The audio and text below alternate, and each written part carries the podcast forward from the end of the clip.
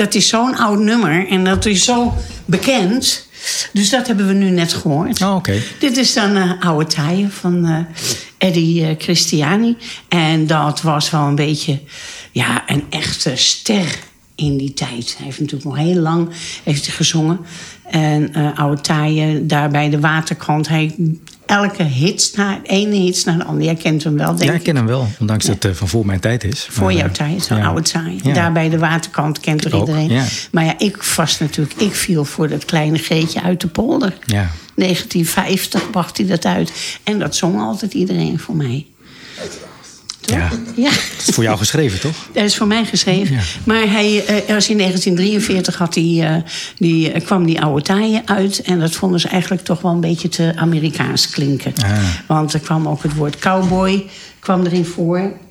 voor en, en nou, dat was de cultuurkamer, was daar niet heel blij mee. Dus het werd meteen afgekeurd. Ehm, welkom bij de podcast eh, Vrijheid is als frisse lucht.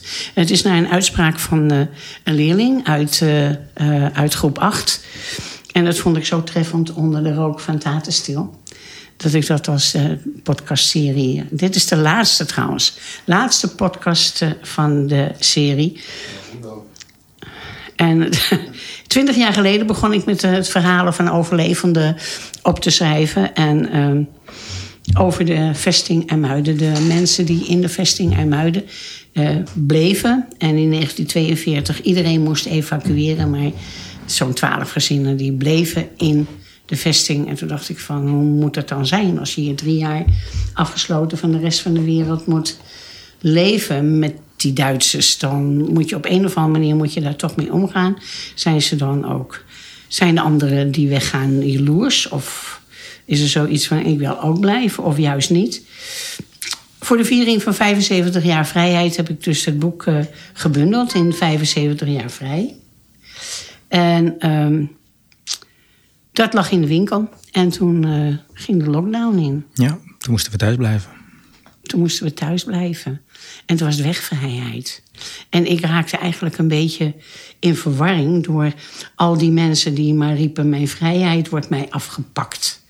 En eh, nou, toen dacht ik van, ik ga eens op zoek naar eh, wat vrijheid eigenlijk is. Wat iedereen verstaat onder vrijheid. Mijn naam is Geet Kudelvan en ik ben op zoek dus naar de essentie van vrijheid. En ik hoop dat ik aan het eind van deze podcast kan vertellen wat vrijheid is voor mij. Ehm, ik heb vandaag twee bijzondere gasten. Er zouden er drie zijn, dat zo even zeggen. Maar eh, Dario Locascio, Locascio moet ik zeggen. Maar in het, in het eh, eh, Italiaans. Hij is technisch ingenieur, heb ik dat goed gezegd? Ja, is Eh, goed genoeg. Ongeveer, Ja, hè? ongeveer goed. ik wist het ook niet precies. Ik vond het wel mooi En- gevonden. Ja, toch? Ja. En hij beheert, eh, of beheert, hij doet wat met die, de bunkers van Rondje Wijk en Zee. Wat, Ja. doe je- wat behoudt dat in, beheren? Ja, nou ja, er moet natuurlijk regelmatig wat gerepareerd of hersteld. Ja.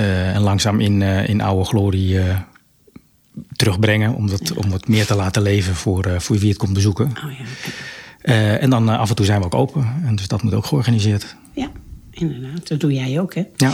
En ik heb naast mij eh, Bob Kos. En ik had gezegd conservator. Maar je bent niet conservator van het Nationaal Militair Museum. Ik In- werk al bij het Nationaal Militair Museum. Daar, we- daar werk je in Soest. Bij tijd en wijle luis in de pels van menig conservator, maar ook Oh, weer de het. souffleur van menig conservator. Maar ik ben wel conservator van het Museum van Egmond. Oh ja. Dat is ook zo. Dat, is nog niet zo lang, hè? Prodeo, hè? Dus dat Ja. eh, is. maar dat is toch waar ja, maar hij doet het ook Prodeo. En ik ook. Uiteraard, Dus ja. Ja. we doen het allemaal ervoor. Prodeo. Hey, en eh, ehm, eh, dat, dat museum in Egmond is nog niet zo lang, hè? Dat is al eh, vanaf 1960 bestaat Oh, het al, denk ik hoor. Ja. Echt als museum? Het museum, het Ik weet nog wel dat ze het toen... Oh, maar niet het mu- Het bunkermuseum. Bunkermuseum is een heel ander verhaal. Dat heeft er geen verbindenis mee. Oh, dat dacht ik. Nee, we Oh, hebben wel een eh, tentoonstelling over de oorlog natuurlijk Ja. nog steeds lopen voor dit jaar, omdat de corona ertussen gezeten heeft. En dat, dat is gewoon over Egmond in oorlogstijd. Oh, ja. En dat vertelt iets over een zeedorp als Egmond in oorlogstijd. Maar niet alles natuurlijk, je kunt ook niet alles Het vertellen. was helemaal verkeerd gewikkeld. Dario, jij eh, hebt een, een, een Italiaanse naam. Ja. Komt die aan? Was jouw vader een gastarbeider, zoals wij dat noemen? Ja, wel en niet. Want de gastarbeiders die zaten meestal in de restauranten of in de, in de, in de ijzertenten of in de, in, de, in de kolenmijnen. Maar mijn vader gaf eh, les op de universiteit. Maar hij komt wel uit Italië. Nou, hoe kwam die dan in Nederland terecht? Ja, Want je woont hij hield van reizen. Nee, ik woon in, eh, net onder Amsterdam. Oude Kerk In Ouderkerk aan de Amstel, ja. En eh, ja, mijn vader hield van reizen. Dus die was eh, onder andere in Amsterdam geweest. En eh, daar had hij een, een vrouw ontmoet. Ja, de liefde, Een meisje, ja. ja. En twee jaar later Ja. kwam hij terug. Toen heeft hij erop gebeld. En ja. toen is hij gebleven. Ja. Erwin ook, hè? Ja, zo werkt dat, ja. Maar wat, wat maakt hem dan... ehm, eh, wat maakt jouw belangstelling van bunkers? Wat is jouw fascinatie in bunkers dan? Ja, Ik denk komt- niet dat je er zoveel hebt in Utrecht, toch wel? In, eh, in Veel Ouderkerk? Nee, je hebt eh, wat van de, van de vesting eh, Amsterdam. Dus uit de Eerste Wereldoorlog en ouder. Eh, maar daar komt het niet vandaan. Nee, ik, ik, Niet de stelling. je bedoelt niet de stelling van ja, Amsterdam. ja, die bedoel ik. Ja. De forten. Ja, Ja, ja. Dat is veel eerder, ja? Nee, het komt uit de techniek eigenlijk. Oh. Er is heel veel techniek in, natuurlijk in de, in de, met name in de Tweede Wereldoorlog ontwikkeld. En dat vind ik interessant. Niet wat ermee gedaan is, maar ja, wel wat, er, al- ja, wat er in vijf jaar tijd allemaal gegroeid Heb je is. wat geleerd van die Duitsers? Ehm, nou ja, ze zijn nog steeds eh, erg goed in eh, engineering. Ja, Mhm, ja. En het is allemaal eh, goed afgewerkt en, en precies. Oké. Dario, wat is voor jou vrijheid? Vrijheid, ja, het is moeilijk om dat in een paar woorden te zeggen. Maar het belangrijkste is dat je kunt, in, in grote mate kunt doen en laten wat je zelf wil. Hm. Maar natuurlijk wel met respect voor je, voor je mensen om je heen. Ja, dat moet wel, hè?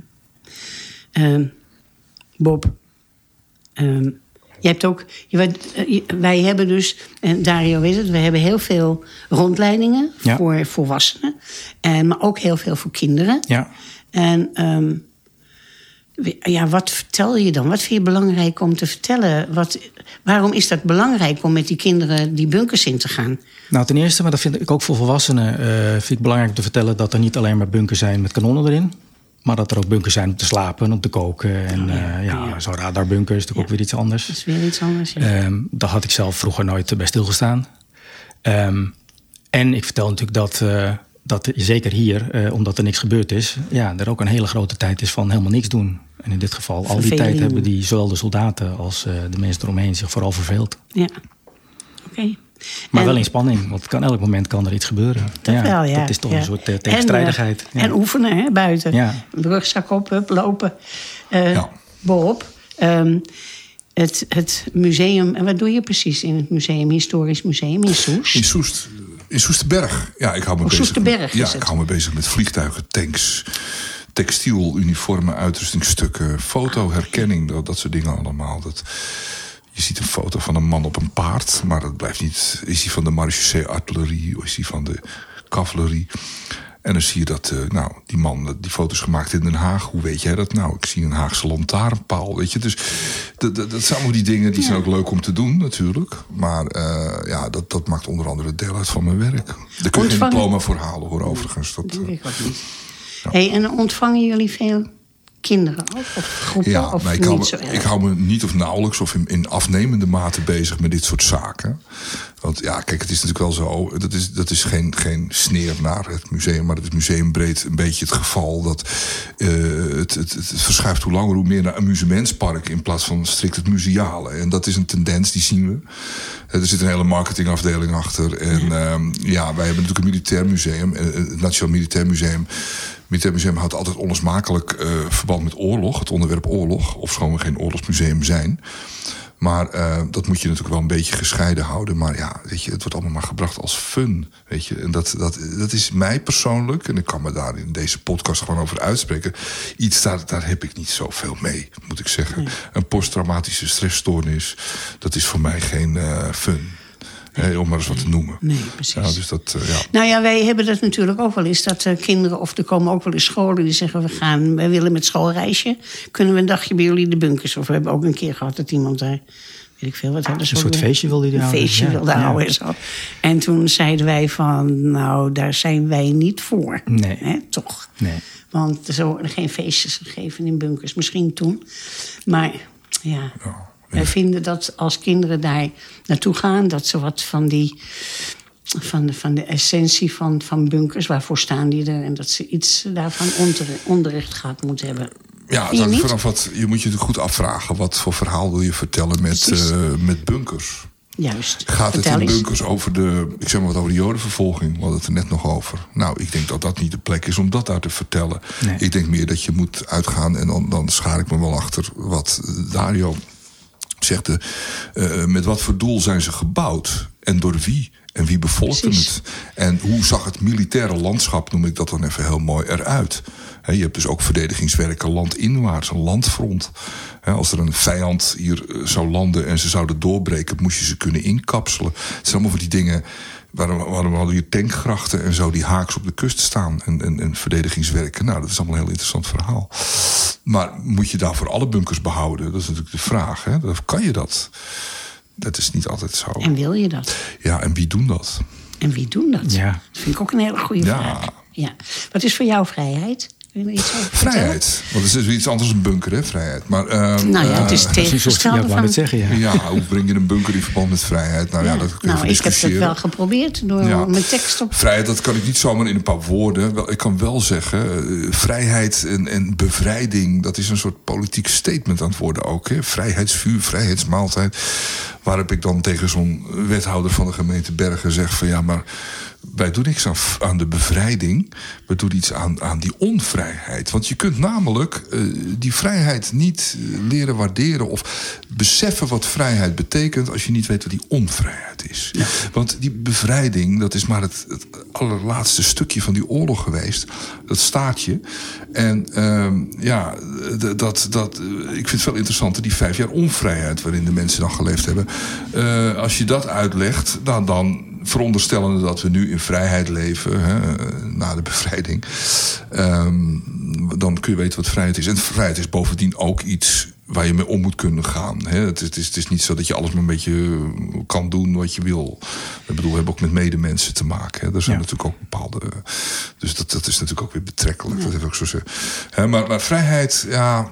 Het, Een moeilijk is, eh, begrip. Ik ja, vind, het is nog steeds, begrip, ik vind steeds moeilijker worden na die vijf, eh, vijf eh, gesprekken Ja. die ik gehad heb met En- iedereen. ja. En de ene zegt ja, het is respect. En de ander zegt. ik vind het heel moeilijk. Maar ik heb wel voor mezelf iets. En dat wil ik jullie straks even Ja, en als we die vrijheid dan in verband brengen met die Tweede Wereldoorlog, dan is dat natuurlijk, die Tweede Wereldoorlog is natuurlijk ook een eh, verworden, zeg ik, tot entertainment, ook in games en Is dat, dat soort zo? dingen allemaal. Ja, dat is een constatering die ik wel, eh, wel meemaak, ja. En ehm, zeker na de première, zeg maar, van een hele grote eh, Call of Duty, een heel bekend Oh ja. spel, bij ons in het museum, waarin ik een soort, eh, ja, nog half beseft, een soort hoofdrol speelde in, in een soort filmpje wat er dus bij ging. En toen zag ik eindelijk wat dat spel dus inhield. Het is gewoon maar schiet op Duitsers, virtueel dan. Ja, Is dat nou zo? Tweede Wereldoorlog. En aan de andere kant is die Tweede Wereldoorlog voor velen ook een beeld van Lucky Strike sigaretten, Glenn Miller, Vera Lynn, eh, de Star Sisters en Keep Them Rolling. Ja, maar dat was natuurlijk wel anders. Dat lag wat anders. Dat ligt wat Ja, maar dat vind ik wel een heel beperkte kijk hoor, eh, Bob. Nee, maar dat, dat sentiment, dat bevrijdingssentiment. Ja. Je moet niet vergeten dat die bevrijdingsdagen voor sommigen ook een drama waren. Dat waren ze ook, zeker hier niet. in Wijk Ja. Zee. Ja. Er beviel helemaal niks te Nee, bevrijden. en ik denk, kan me niet voorstellen dat ik woon in Egmond aan zee en, en zo'n wijk aan zee, dat hier echt horsende menigtes door de straat heen gingen met slingers. En nee hoor, In alles was hè? In geëvacueerd. september. In Ja, september. precies. Toen begonnen eigenlijk pas de bevrijdingsfeesten. Eerder niet. We gaan even naar een... eh, toch? Ja, ja, ja. Ik zeg het even heel erg... eh, Ja, gechargeerd. Met Nou, een dat knipoog mag. en een glimlach Ja, natuurlijk, precies. maar je begrijpt wat ik bedoel. We gaan even naar, eh, voor jou, een lied uitgezocht tenminste. Ja. Eh, de eh, Dag Schoonheid. In het, eh, Ciao Bella, ciao. maar jij kent het wel natuurlijk. Ja, hè, ja, dat is eh, heel bekend in Italië. Ja. Natuurlijk. Nou, maar hier ook wel Hier hoor. ook, ja. En we hebben ook natuurlijk een Nederlandse vertaling daarvan. Maar jij hebt eentje uitgekozen van Rita Pervone. ja. En ehm, die was, het was oorspronkelijk, had ik opgezocht, een Jiddisch lied. Ja. 1919. Dat wist ik ook niet. Nee, ik had het ook niet, opgezocht. ja, Nou, ja. kijk. En ehm, dat was eh, eh, oorspronkelijk geschreven over de misstanden in de rijstoogst in Noord-Italië. Dus, eh, en tijdens de oorlog natuurlijk eh, populair onder de partisanen. En eh, om zich tegen de, de, het na- nationaal socialisme te verzetten. Ja. En er is natuurlijk ook een Russische versie. Ja. Die is net gedraaid, 9 mei, denk ik zo. En er is ook een Oekraïense versie. En dat strijdt allemaal om vrijheid.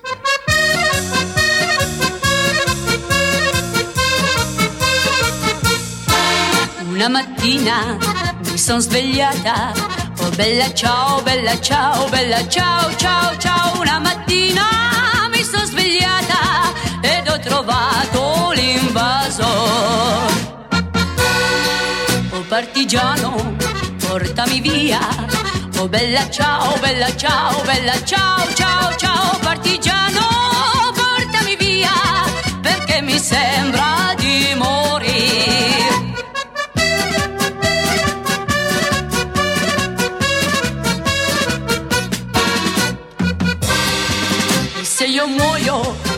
sulla montagna, oh bella ciao, bella ciao, bella ciao, ciao,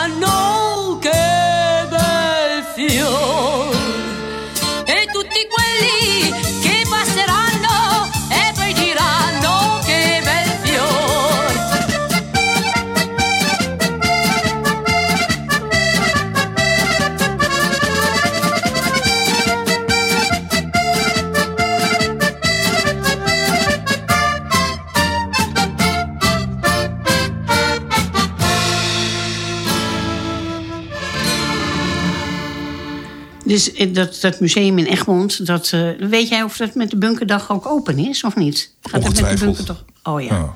Maar daar ben je dus helemaal niet bij betrokken. Nee, niet. Nee. Wat vind je van al die Ik heb het zelf helpen uitgraven. Dat wel. Toen, ja, het is, het is een Maar weet munitiebunkertje. je, als wij gaan eh, graven, ja. als we hier ergens gaan graven, dan staan er misschien Ja. 10, 15, 20 man.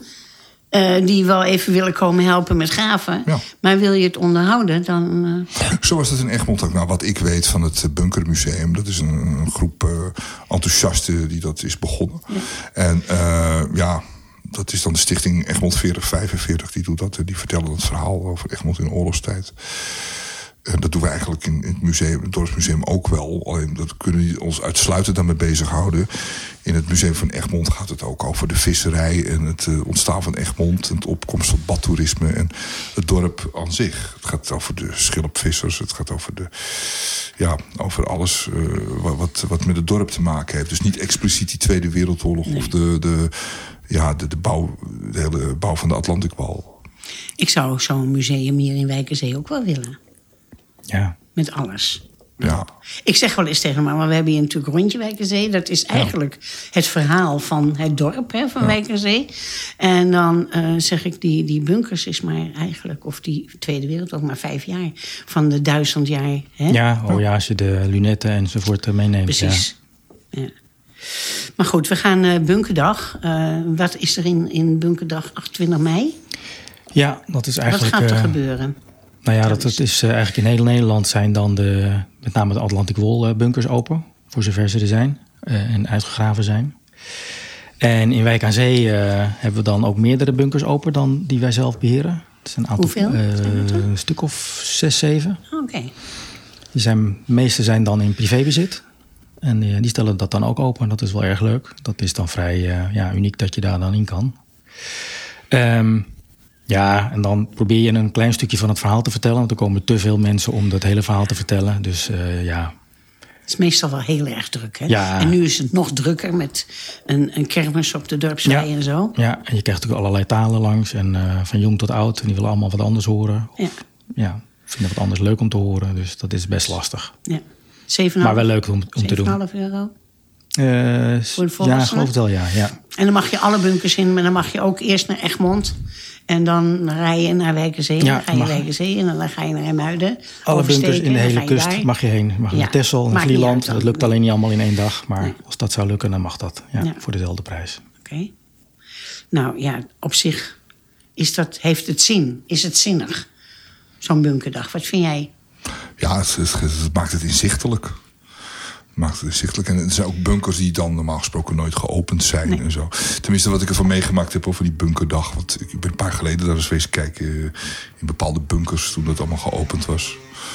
Ja, onder andere op het, eh, op het vliegveld Bergen. Ja. Er is ook zo'n vliegveld, er is ook een, eh, nog een grote bunker. En, en, en ja, al die bunkers zijn ook open. Hè? Dus ook van de Koude Oorlogtijd moet je niet vergeten. Er zijn ook heel veel bunkers. is hier ook geweest, hè? Koude oorlogstijd hebben ze die, die observatietoren ook gebruikt. Ja, dingen uit ze- die ja. tijd zijn weer doorgebruikt in de Koude Oorlog. Dat Ja, gebeurde precies. ook eh, dikwijls. Er, was ook, eh, er waren ook twee mensen die daar constant eh, moesten, toezicht moesten houden. hè? Ja, wat er voorbij vloog. kwamen. Ja. Ja. Of zo. ja, het ging om de vliegtuigen. Ja, toch? Ja. Ja, luchtmachtdienst de BB. Hè, bedoel dat, eh, wij hebben het museum nog een aantal van die... Van die toevallig van die... eh, eh, ze werden altijd beschreven als mitrailleuraffuiten... maar dat zijn periscoopstatieven voor in bunkers. Oh. Die komen dus uit BB-bunkers. Zo hebben ze de tijd overleefd. Maar dat zijn van origine dus gewoon Duitse, Duitse zaken. En, en weet je nou of dat, eh, of die, dat kanon uit, eh uit Wijkerzee in Soest of voor Soesterberg terechtgekomen Nee, ik is? moet toch echt eens weten wat voor kanon er dan is. Of wij hem Ik in de heb collectie een hebben of hebben artikel gehad. gestuurd, het, het krantenartikel. Oh. In, en stond, ja, wanneer was dat? Ik moet het echt even zien dan. Ik, ga het Ik even denk lezen, in de tijd, weet je, er was natuurlijk zo dat al die bunkers die. eh, nou, daar gaan we straks even over. Die moesten allemaal opgeruimd worden, heel veel. Ja. En toen eh, was er toch wel een eh, kustverdediging, een probleem in de kustverdediging. En toen gingen ze die, juist die bunkers die een probleem voor, vormden voor de verdediging, die moesten opge, Gezondheid. Gezondheid. die moesten opgeruimd worden. En daar kwamen ze dus een kanon tegen. En er zat nog eh eh, munitie nog in. Ja. Bijzonder, hè? Ik denk dat het in 68 was of zo. Ja. Iets in die tijd. En toen hoorde ik dat ze zouden eerst het kanon helemaal vernietigen. En dan hoorde ik dat ze het eh, toch weggebracht hadden. Want het was nog helemaal intact. En toen zou het naar... Nou, ik dacht naar Soesterberg. Of het kan ook zo net in Overloon staan. Ja, het zou kunnen. Kijk, in 68 eh, zat het Legermuseum in Leiden. En had je wel het Armentarium in Delft. En dat is het, het, het museum is naar Delft getrokken bij het Armentarium, een groot pakhuis. Ja, heb ik nog net en vervolgens is dat, eh, ja, is dat dus ge- gefuseerd met het Mieter Luffert Museum. En dat is wat het dus nu is in Soesterberg. Maar over de Atlantikwal, dat is wel grappig. Ik had laatst dus, eh, ja, een paar jaar geleden was ik eens een keer op het eh Forteiland. eh, en in een van zo'n geschutsbunker, een 671, dat zal je al wel wat zeggen. Type nummer, hè? Nou, die hebben we was hier dus- ook, toch? Ja, ja, zeker. 671. Ja. Jawel, dat weet ja, ik toevallig. En toevallig weet ik dat. En eh, in de vloer was dus het pivot, dus het onder het draaistel, ingegoten van een, eh, van, van een Engels stuk luchtdoelgeschut. Ik denk, oh wat leuk zeg. Die hebben wij dus ook. En ehm, toen ging ik toch eens kijken. En ik dat, denk dat verklaart dus waarom er in dat eh 3,7 eh, inch eh, Engelse luchtdoelgeschut gesicherd. eh, nee, er staat Foyer staat er wacht even, in het sluitstuk iets Duits. Nou, Foyer, dat is heel slecht Engels. Dat is dus Duits. Maar hoe kan dat nou? Nou, dat is heel logisch. Dit stuk geschut is in 1940 in Duinkerke buit gemaakt. Heel veel van dit soort stukken. En die zijn dus in de Atlantic wel weer toegepast. En dat ding is dus direct uit de Atlantikwal naar het Armentarium in Delft gekomen. En dat Wat is een armentarium? Een armentarium is een ander woord voor wapenpakhuis. Maar dat was Oh. een studiecollectie aan V2's en V1's en geschut en, en, en god mag weten wat. Weet je, aan, aan wapentuigen stonden dus opgesteld. En dan kon je dus op afspraak kon je dat bezoeken. Dat was van Defensie. En eh, zo dit kanon ook. En onder de verf inderdaad Duits geel. Hè? Dat, dat, dat, in de tweede helft van de oorlog dus veel gebruikt werd. Dat, die, die gele, dat donkelgelb, noemden de Duitsers dat. En dat ja, dat, eh, dus dat ding had een hele andere gebruiksgeschiedenis... dan dat wij altijd dachten. Dat ding hebben we niet van de Canadezen overgenomen. Maar dat eh, is in 1940 al buitengemaakt. Maar dat illustreert wel dat heel veel ja, uitheemse wapens... Russisch, Frans, Nederlands, Engels ook hoor... eh, weer eh, hun opnieuw employ vonden in, eh, in de verdedigingswerken van de Atlantikwal. En andersom. En andersom ook. Ja. Ja. Ja. Tuurlijk, alles wat je buiten gemaakt wordt, Ja. kun je natuurlijk zelf weer gebruiken. Eh, ja. De- er zijn mensen hier in Wijkerzee vaak die, zijn, die vragen aan mij... vergeet, wat moet je nou toch altijd met die bunkers? Wat zou jij dan antwoorden? Ja, het is toch een stukje historie. Ik bedoel, ja, dat zijn er misschien wel erg veel hier, maar zolang ze niet in de weg staan, zou ik ze zeker niet weghalen. Zand erover? Ja, wat mij betreft Erfgoed niet. of zand erover? Ik zeg erfgoed, maar hoe je ze, om ze nou allemaal uit te graven, ja, ik zou het graag doen, maar hoe je ze dan eh, onderhoudt, geen idee. Nee. Ja, zoals ik er naar kijk met alle lof voor, voor het onderhoud. En ik, eh, mijn handen beginnen te jeuken. Ik vind dat natuurlijk ook prachtig. Eh, maar als je een integraal verhaal inzicht wil geven... en een verhaal wil vertellen over die Atlantikwal... dan zou je er een soort van route langs die hele Atlantikwal moeten maken. En ervaring leert mij wel, dat is hier overigens in aan Zee niet eh, echt het geval... maar dat heel veel bunkers, ja, die worden vaak bevolkt of in stand gehouden... of dan eh, door, door verzamelaars, wiens zolderkamer te klein wordt, bij wijze van spreken. Nou, hoe herkenbaar, hè? een feest van herkenning. En die kruipen dan in een of andere bunker of een fort, worden een stichting. Dat is dus niet alleen die Atlantikwal, maar dat geldt ook voor de stelling van Amsterdam, Waterlinie, ga zo maar verder. Hè? En, en die, om daar hun hele collectie te laten zien. En verzamelaars, dat is geen sneer naar verzamelaars overigens, maar die, ja, die willen alles laten zien. Dus in zo'n bunker kom je dan ook knijpkatten, voedselbonnen, weet ik het, alles tegen. Hè? Dus dat totaal geen verhaal meer vertelt over die bunkers eigenlijk. Je moet het eigenlijk, als je het echt zou willen vertellen, moet je vrij zuiver in de leer blijven. En dat gewoon, eh, omwille van behoud, ook wel herstellen. Ik ben van mening, dat er sommigen zo van een kruk vallen hoor, in Museumland, dat je het Colosseum in Rome echt goed kunt behouden door het helemaal te herstellen dat het gebouwd is. En nu wordt er roofbouw op gepleegd. En dat is dus met, vaak met dit soort opstallen ook. Hè, het wordt, wordt, ja, Dus jij vindt wat wij... Want kijk, wij- kunnen natuurlijk zo'n bunker niet helemaal weer in oude staat herstellen. Dat gaat tenminste aan de buitenkant, maar van binnen kan het natuurlijk ja, niet. met verval te maken, zeker ook aan de kust. En, en ja, dat is natuurlijk ook zo. Maar je probeert door, door het eh, wel zoveel mogelijk zo... eh, ja, dat is de enige garantie op behoud. Ja, Je kunt het wel in, in vervallen staat laten, maar dan vervalt het alleen maar verder. ja. En dan kun je wel eens een ethische bril opzetten en zeggen van... ja, maar wat wil je nou? Ja, dat is natuurlijk ook wel zo. ja precies. Dus je, dat is altijd een discussie. Dat en, Bij ons ook in de vereniging, toch? Dat, ja, wat wil je daar nou eigenlijk mee? ja, en, en welke boodschap wil je vertellen? Welke Want boodschap Dat is ook belangrijk, want wat jij zegt, je kan wel 600 boodschappen vertellen, maar dan vertel je eigenlijk helemaal niks. Ja, precies. Nou, je- Cultureel erfgoed? Ja, ik vind het wel. Zeker ook in het kader van eh, het blijven herinneren wat er gebeurd is. eh, om te hopen dat het dan eh, in ieder geval minder gebeurt. Want kennelijk niet gebeurd eh, is, is kennelijk niet gelukt. Nee. Ja. Ik was van de week dus met, ik ben met, vandaag nog met 50 kinderen van VWO geweest. En dan van de week een, een klas in de basis, van de basisschool. En dat waren, eh, dat was een zwarte school. waren Turkse jongetjes, eh, meisjes en allochtonen allemaal. En eigenlijk wisten ze heel weinig van die van de hele Atlantikwal. Waarschijnlijk van de hele Tweede Wereldoorlog. hele Tweede Wereldoorlog. Wisten ze eigenlijk nauwelijks wat af. Maar ze vonden het geweldig interessant, natuurlijk. Want het is allemaal al, alleen al zo'n dag even naar buiten... en zo'n zo'n bunkers even van binnen bekijken. En dan hebben wij, eh, of dat is dan wel een initiatief van mij geweest... van eh, ik ga artikel 1 van de grondwet daar op de muur kalken. Die Duitsers die hebben in elke bunker lopen schilderen en schrijven en spreuken. En toen dacht ik zoiets van, nou, dat kan ik ook.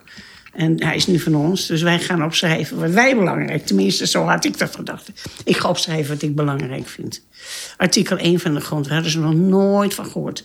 En dat zijn er, nog, zijn er wel meer. Ja. Nog nooit van gehoord. En eh, dan kom ik toch eventjes op mijn, eh, eh, mijn idee van vrijheid. Vrijheid, wat mij betreft, dat kan, dat kan ik in ieder geval na die vijf podcasts een beetje... heb ik dat voor mezelf zo samengevat. In eerste instantie moet je ehm, moeten de voorwaarden, de basisvoorwaarden moeten in orde zijn. Hè? Dus ik, ik zei tegen Marcel, bed, bad, brood. Als je dat niet hebt, dan kun je nooit dan kun je niet vrij zijn. Dus je moet sowieso je basis eh, moet in orde zijn. Als je niet weet waar je s'avonds moet slapen, dan kan je nooit een vrijheid ervaren. Dat denk ik, hè. Dat, zo heb ik het bedacht. En vind je niet? Ja, je mag het zeggen. Ja, weet ik niet. Als je niet weet hoe je s'avonds moet eten. Ja, het is in ieder geval, je ik ben in ieder geval niet gelukkig. Maar of, het, of je dan je niet vrij voelt, weet ik niet. Nee, want je bent altijd bezig. Tenminste, dat Ja. denk ik. Je bent altijd bezig om te zorgen dat je voedsel krijgt. En Ja, dat je je slaapplaats dat, krijgt. dat, dat is nog een ander Want verhaal vrijheid is natuurlijk niet... Ja. eh, ja, Vrijheid, ik vind van wel. vrijheid is niet, niet zo. Dat is een. eh, ja, Gemoedstoestand. gemoedstoestand, maar, maar eh, je, je, je, je voorziening in eten en, en een slaapplaats, dat, dat is nog iets anders als vrijheid. Ja, ik zeg alleen, het is een basisvoorwaarde voor vrijheid. Als jij je basis niet, als je, als je niet geen eten hebt s'avonds of niet weet hoe je, het, hoe je eraan moet komen, dan kan je nooit bezig zijn van, goh, dan ben ik toch vrij vandaag. Nou, dan ben je misschien alleen maar bezig met overleven. Precies. Ja. Nou ja, dat bedoel ik. Ja. En ik, ik denk dat dat eh, op het ogenblik heel veel is. Zo. Ja. Dat er veel mensen zijn die moeite hebben met overleven. En, ehm, en ten tweede denk ik eh, dat eh, het heel belangrijk is dat je, dat je weet wat democratie is. En die democratie vind ik op het ogenblik, die staat nogal... Tenminste, daar maak ik me zorgen om. Dat die democratie nogal onder druk staat. Ja. Ja, eh, constant eh, liggen dat soort dingen op de loer. Zolang een democratie eh, zal dat altijd, altijd blijven. Dat, er, ja, dat, dat, dat je dat moet blijven, blijven handhaven, die democratie natuurlijk. Maar ook dat is vrijheid. En die vrijheid, ja, daar moet je, daar moet je ook mee omgaan. Moet je ook Ja, dat bedoel ik. Maar dan moet je eigenlijk Nou. les hebben in democratie. Ja. Vorm, toch? Ja, ja. ja, niet te zaligmakend, Nou, artikel 1 maar staat er op de muur, ja. dus. Ja, Daar zijn we al begonnen. ja. Met eh, de grondwet uit te leggen. Want ik moest echt uitleggen. Dat betekent dat jij net zoveel waard bent als jij. Dat als je, eh, als je door, door het rode licht heen... op kinderniveau... als je door het rode licht heen rijdt... dan kun je de boete krijgen. Maar die is voor hem net zo groot als voor jou. Nou, ja. Ik bedoel, je moet het natuurlijk wel een beetje vertalen naar... Nou ja, tot zover ben ik gekomen met het idee van vrijheid. ja. Dus het heeft, dus, eh, het heeft voor mij alles te maken met democratie. Dat je wel het idee hebt dat je ook iets te vertellen hebt. Dat je, dat je eh, eh, over je eigen situatie. ehm, eh, dat je daar de baas in bent. Of dat je Ehm, ja, je, je, je leeft op, soort minst zelfstandig ja, je leeft op een onbewoond eiland. Nou, dan heb je vrijheid. Hè? Dan heb je ook nergens wat mee te maken. Dus heb je vrijheid. Maar dan moet je nog steeds voorzien Ja. in je onderhoud, levensonderhoud Ja. en zo. Dus dat, dat is weer heel wat anders dan... Dan heb je die vrijheid, maar dan moet je dat dus nog wel. Dus ik zie die twee dingen niet zo echt... Dat dat, eh, dat, dat Ja, maar wie woont nou in... Wij wonen Nee, niet in onbewoonde eiland. Een, een, een Kijk, je bent ook als zwerver door Amsterdam heen. Dan ben je... Goh, dan ben je nou vrij. Maar ik weet het Nou, niet of dat nou. zo is. Ja. Vraag ik me af. Ja. Ja, vrijheid dat heeft te maken met, met mensen onderling. Ja, precies. En ook met je, met je eh, sociale eh, context, hè? met de. Ja. mensen om je heen. Heeft recht op geluk. En eh, eh, dat is prima. Hoe je dat geluk bereikt, nou, dat is eh, aan jou. Maar als het bereiken van dat geluk eh, ten koste gaat van een andermans geluk... Ja, dan is er iets niet oké. Nee, en dat is En dan geen komt vrijheid. het, dan is er iets dat, dat zeg je, dan is er iets niet oké met de vrijheid. Ja. Kan ik, kan ik zeggen, hier staat de stelling, die, die, die kwam ik tegen. Bunkers vormen een fysieke plek om verhalen over de geschiedenis te vertellen. Zijn Kan. jullie het daarmee eens? Ja, zeker, eh, zeker een van de, van, van de functies. Ja. Ja. Dus geen zand erover. Ook niet allemaal uitgaven. Nee, precies. Al die, bunk, al die bunkermuseumpjes langs de kust, want het zijn er heel wat. hè? Ja, ja. Werkt In, dat eh, samen? Hè? Dat is dan mijn vraag. Want ik observeer dat dat meestal niet zo goed dingen deelt.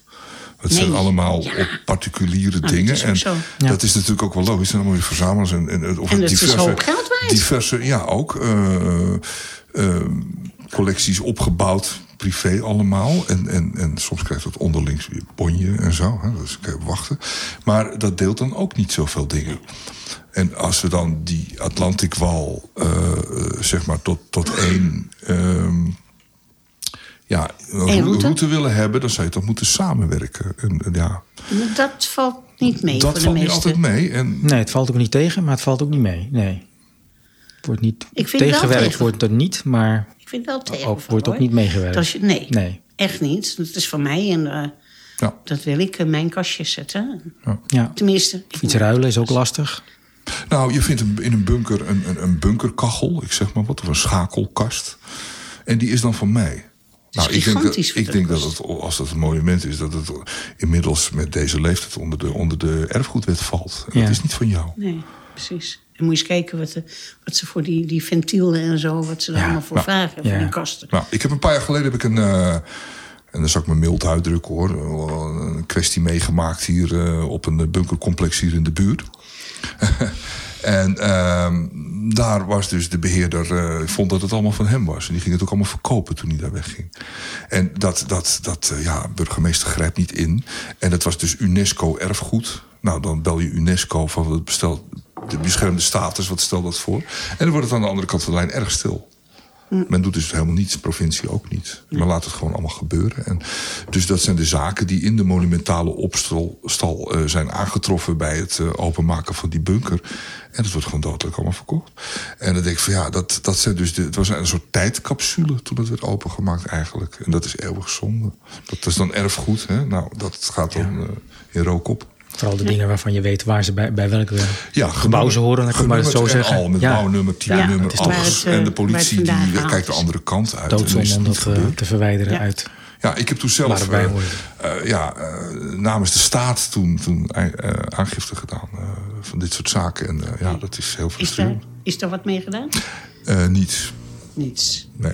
Nou, dat is zeker frustrerend. In de pers wel natuurlijk, maar Ja. eh, nee, Nee. is nooit eh, mee weggekomen. Ja. Dat is net als Siewert van Linden of zo. Ja. Misschien. Ja. U weet, door de mondkapjes. Nou ja, ik, ik wilde eh, nog even... Ik wil zo'n beetje af gaan sluiten. Want ik denk dat het wel eh, ondertussen... eh, dat we er wel een beetje... Eigenlijk zijn we er nooit uit, maar... hebben we toch wel een klein beetje nieuw licht ge- geworpen op deze geschiedenis. Ehm, ik wou nog één ding even naar voren halen. Als je nou bij de bunkerdag kijkt. Ik weet dat er veel mensen zijn die zeggen van... ja, ik heb er zo moeite mee. Dat was nu trouwens bij de 4 en de 5 mei viering dus ook.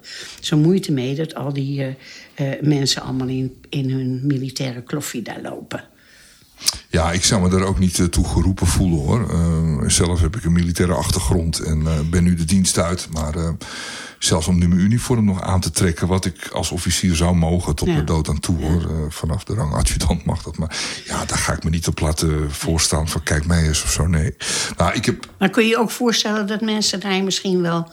zeker misschien juist in deze tijd wat angstig van zijn? Ja, ja dat, dat kan. Ik, ik heb er totaal geen moeite mee. Maar in zoverre. En dan kom je wel weer op de vrijheid. dat je mag herdenken wie je wilt. Als ik een vriend van mij, die ik in 95 in, in, in, in Bosnië eh, ben verloren, eh, wil herdenken. Dan heb ik dat volste recht. Dat is ook vrijheid. Vrijheid om te kiezen Om wie en wat je wie- mag wie herdenken. je wil Ja, ik, ik kan me een jaar of 15 jaar geleden misschien, in, in, in Vorden was dat. Dat de burgemeester en wethouder dus bij de oorlogsgraven stilstonden. En ook bij een vier of vijftal Duitse graven stilstonden. Van jongens die daar dus gesneuveld waren, waren Duitsers. En ja, dat, dat, eh, daar hebben ze dat is vreselijk veel stof doen opwaaien. En uiteindelijk Ja, mocht dat niet. En dat vind ik dus chapeau dat ze dat doen hoor. Hm. En ik vind, eh, eh, ja, ik vind dat ook vrijheid. Vrijheid om te herdenken die jij, wie jij wil. En niet van die wel en die niet. En dat zijn de daders en die mag je niet herdenken. Nou, voorwaar, ik zeg u, dit zijn dus ook mensen die de beste jaren van hun leven hebben gegeven aan een barbaars systeem. en dat mag je nooit vergeten. Nee, nee. Ja, en dat Aan beide kanten. Dat is heel erg. Aan beide kanten. Ja, aan beide dat kanten. is zo. Vond ik van Cultural Village wel heel Ja. erg mooi. Want die deden dat ook samen met de Duitsers en de Nederlanders, Italianen. En ze, ze hebben elkaar die verhalen verteld. En dat ze heel vaak niet wisten wat er allemaal gebeurd was. Dat in Nee, maar je ziet dat nu ook in Oekraïne. Ik bedoel, heel veel Russen weten niet wat daar gebeurt. Nee, precies. Maar toen helemaal niet.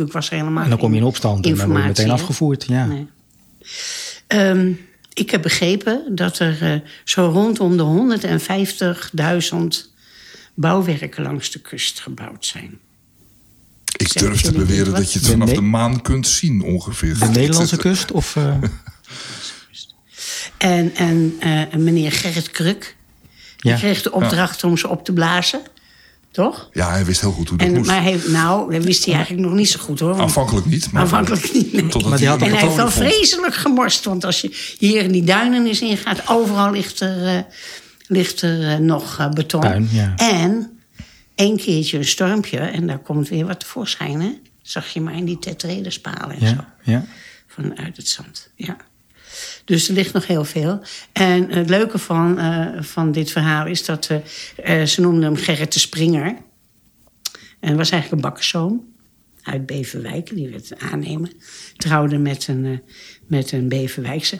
En een dorpsgenoot van ons, Ab Winkel. Jij kent hem niet, maar ik weet niet of jij hem kent. Die heeft daar een lied over geschreven. En dat heet Gerrit de Springer. En eh, daar gaan we naar luisteren. Leuk. En die gaat het verhaal vertellen over Gerrit.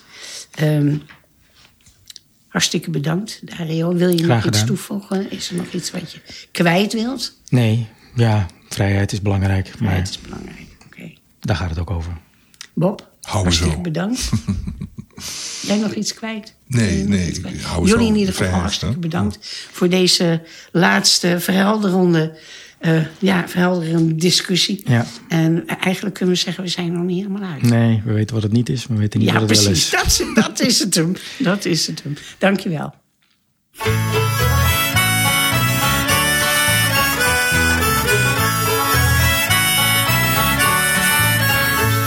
Ik vond laatst op een rommelmarkt een boek met het verhaal van Gerrit Kruk.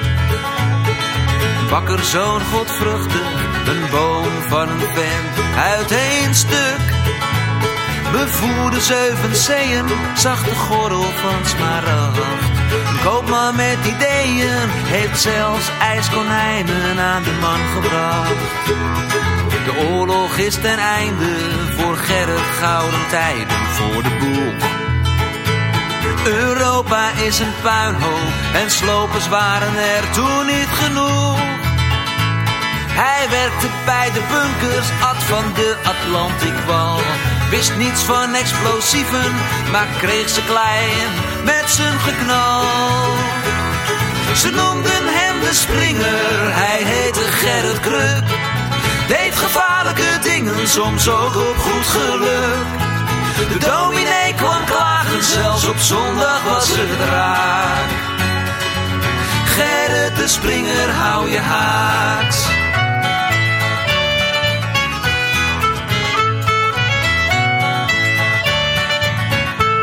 De zaken gingen beter, het ging zijn bedrijf voor de wind. De zomer van zijn leven, hij werkte hard voor vrouw en kind. Maar in zijn hart bleef Gerrit, de jongen van de kick. Die als hij aan het knallen was, vleugels kreeg, dan had hij schik. Ze noemden hem de springer, soms ook op goed geluk. De dominee kwam klagen, zelfs op zondag was het raar. Gerrit de springer, hou je haast.